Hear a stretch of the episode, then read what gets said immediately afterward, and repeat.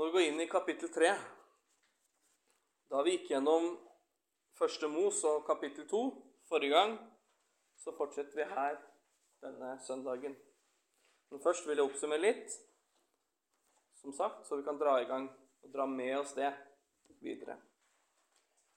Det var Alt var godt inntil at Adam var alene.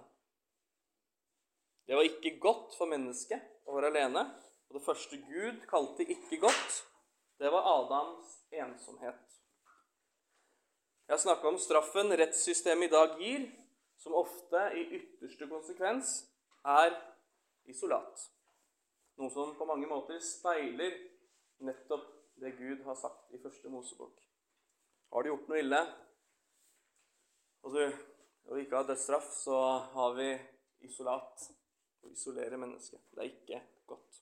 Gud skapte én mann, én kvinne, ikke to eller fem kvinner til Adam, men ei. Alt dette peker til et monogamt ekteskap mellom to kjønn, og det eksisterer heller ikke noe alternativer i skapelsen, og det sier sitt. Det andre det var at Herrens primære mål ikke var å skape et likt menneske, men mer et komplementært menneske.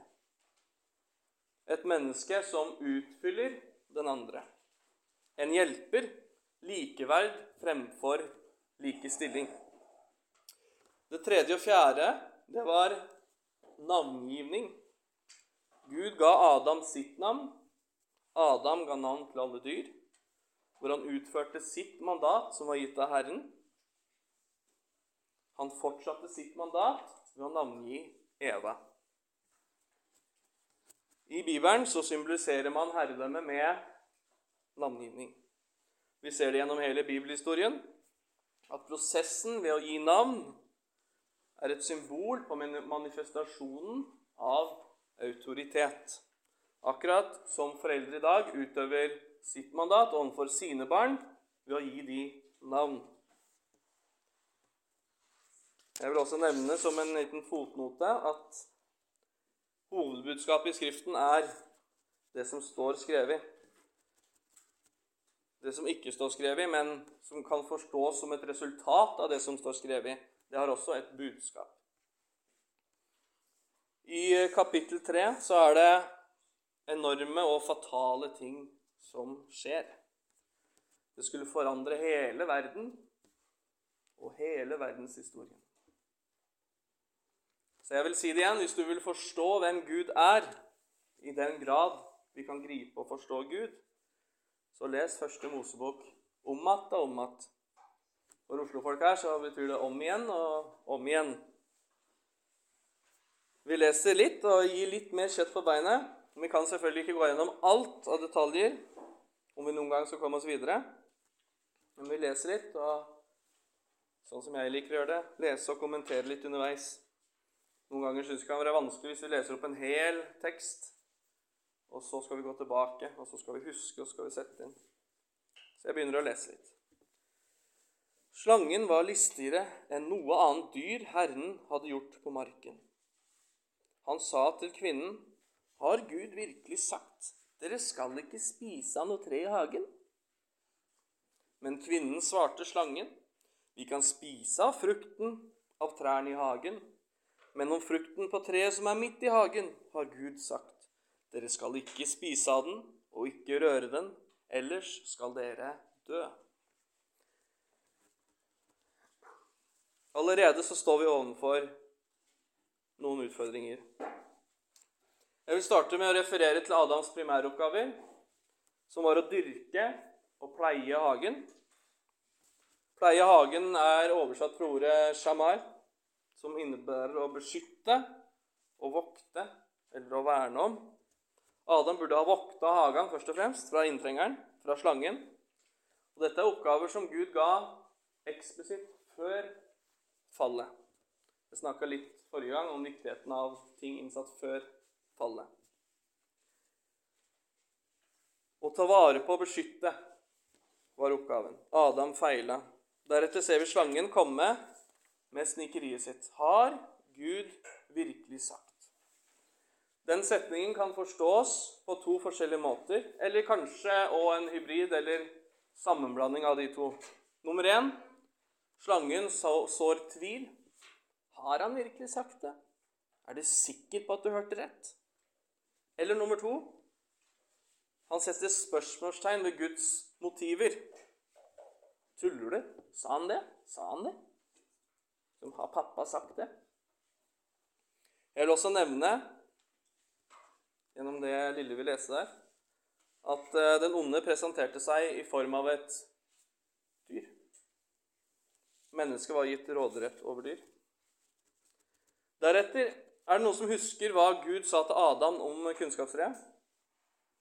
Han sa, 'Du må gjerne spise av alle trærne i hagen.'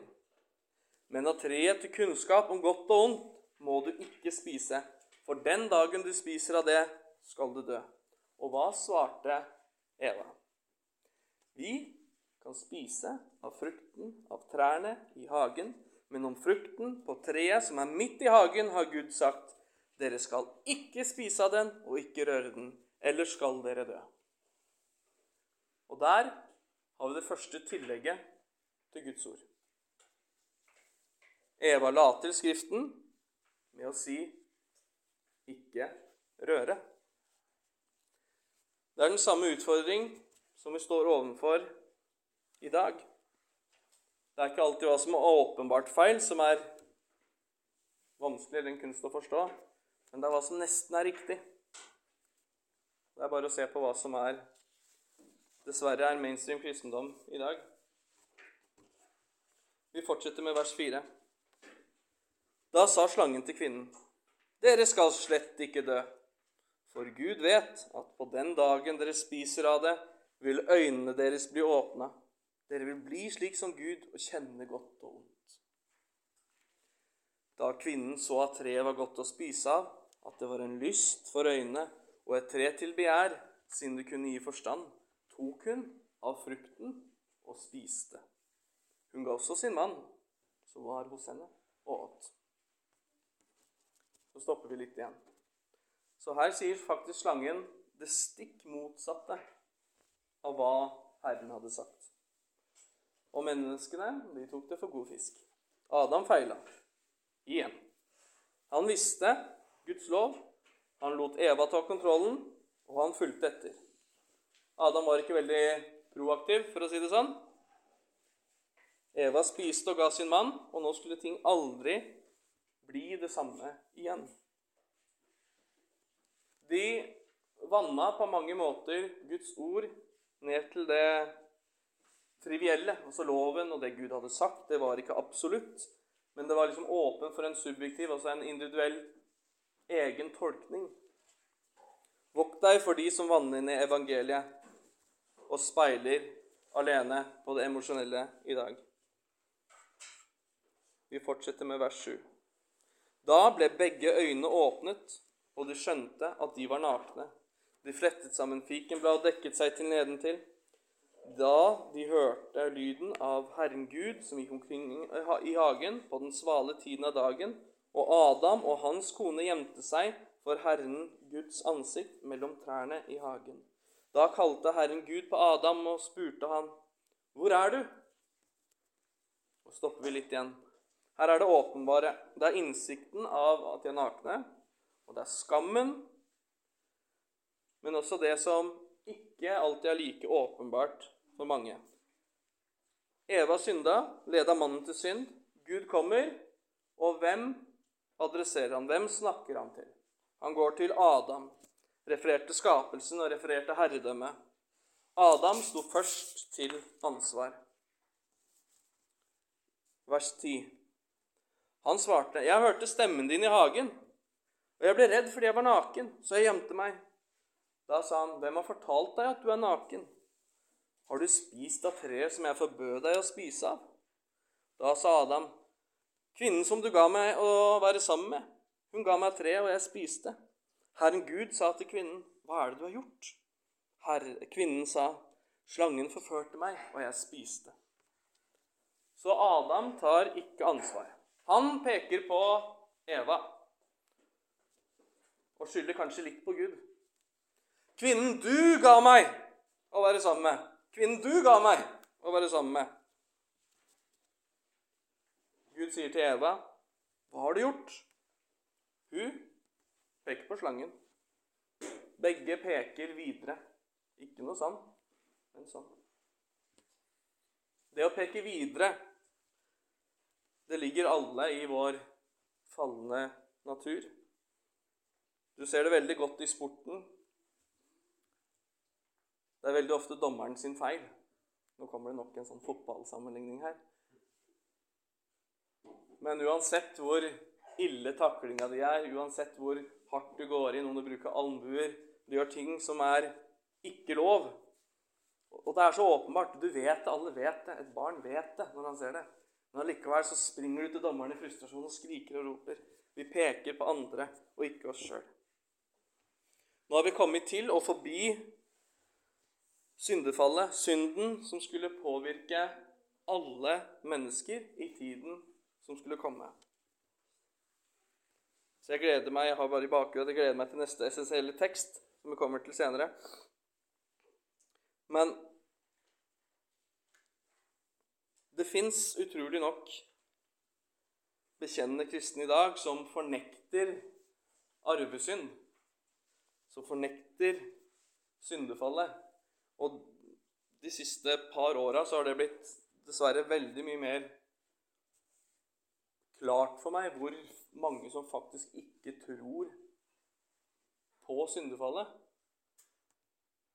Og For meg så er det like absurd som kjønnsdebatten. Så åpenbart og innlysende. Så mennesket dør, det er smertefullt å føde, sykdom Og Bibelen forteller om det sjøl i, i Det nye testamentet, i Romerne 5, vers 12. Derfor, slik synden kom inn i mennesket ved ett verden, og døden ved synden, og døden slik trengte seg inn til alle mennesker fordi alle synda. Og litt av det typiske når jeg snakker med bekjennende kristne i hverdagen eller på jobb,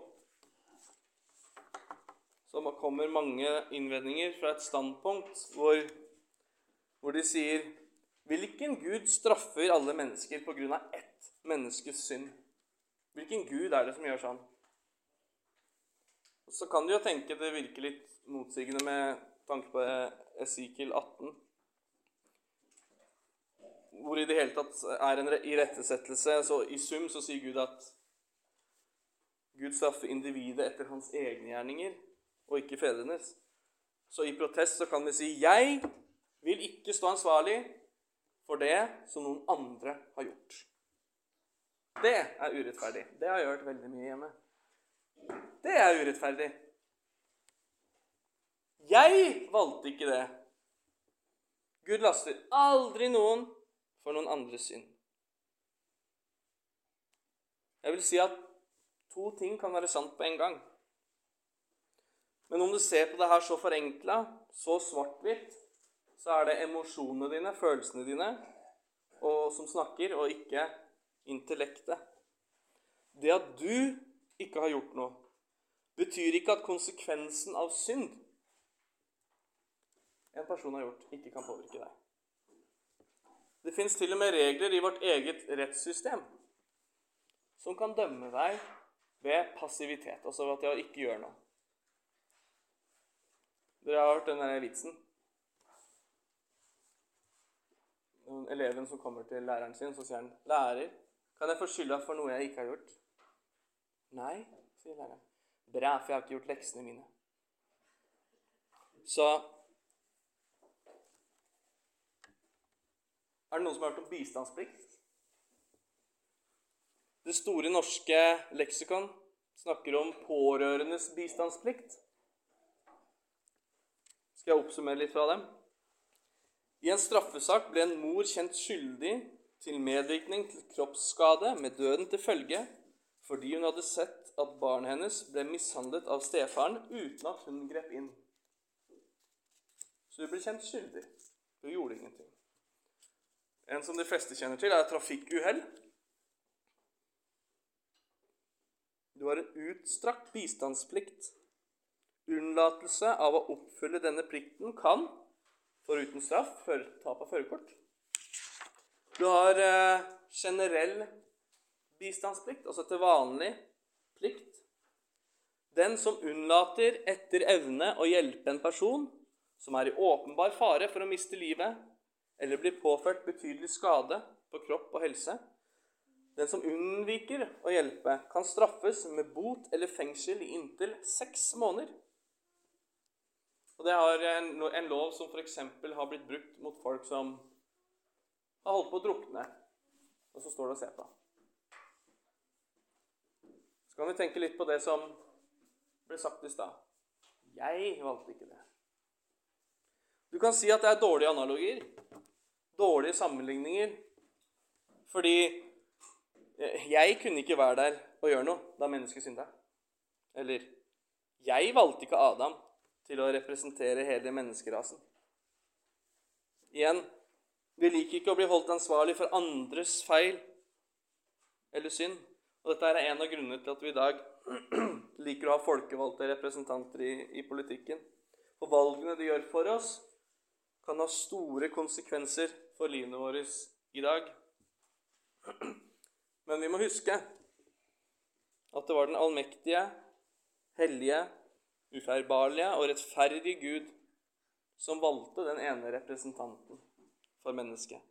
Hvem er jeg til å kunne si at han valgte feil representant? Og om det ikke ennå har forstått det, så vil jeg legge til én siste ting på akkurat det her. Hvordan en tilsynelatende utydelig ting kan bli essensiell. Om du protesterer på prinsippet om at Gud kan tillate ett menneske til å representere andre, så ville det vært enden på hele den kristne tro. All vår frelse, vår eneste frelse, hviler på akkurat det samme prinsippet. Gjennom Kristus og hans handlinger er vi frelst. Tvert imot det du kanskje trodde, så burde du være glad for prinsippet om at Gud kan tillate ett menneske til å representere andre. Vær glad og takknemlig for at din frelse hviler i hans hender og ikke i dine. Vi er utilstrekkelig. Han er god og rettvis.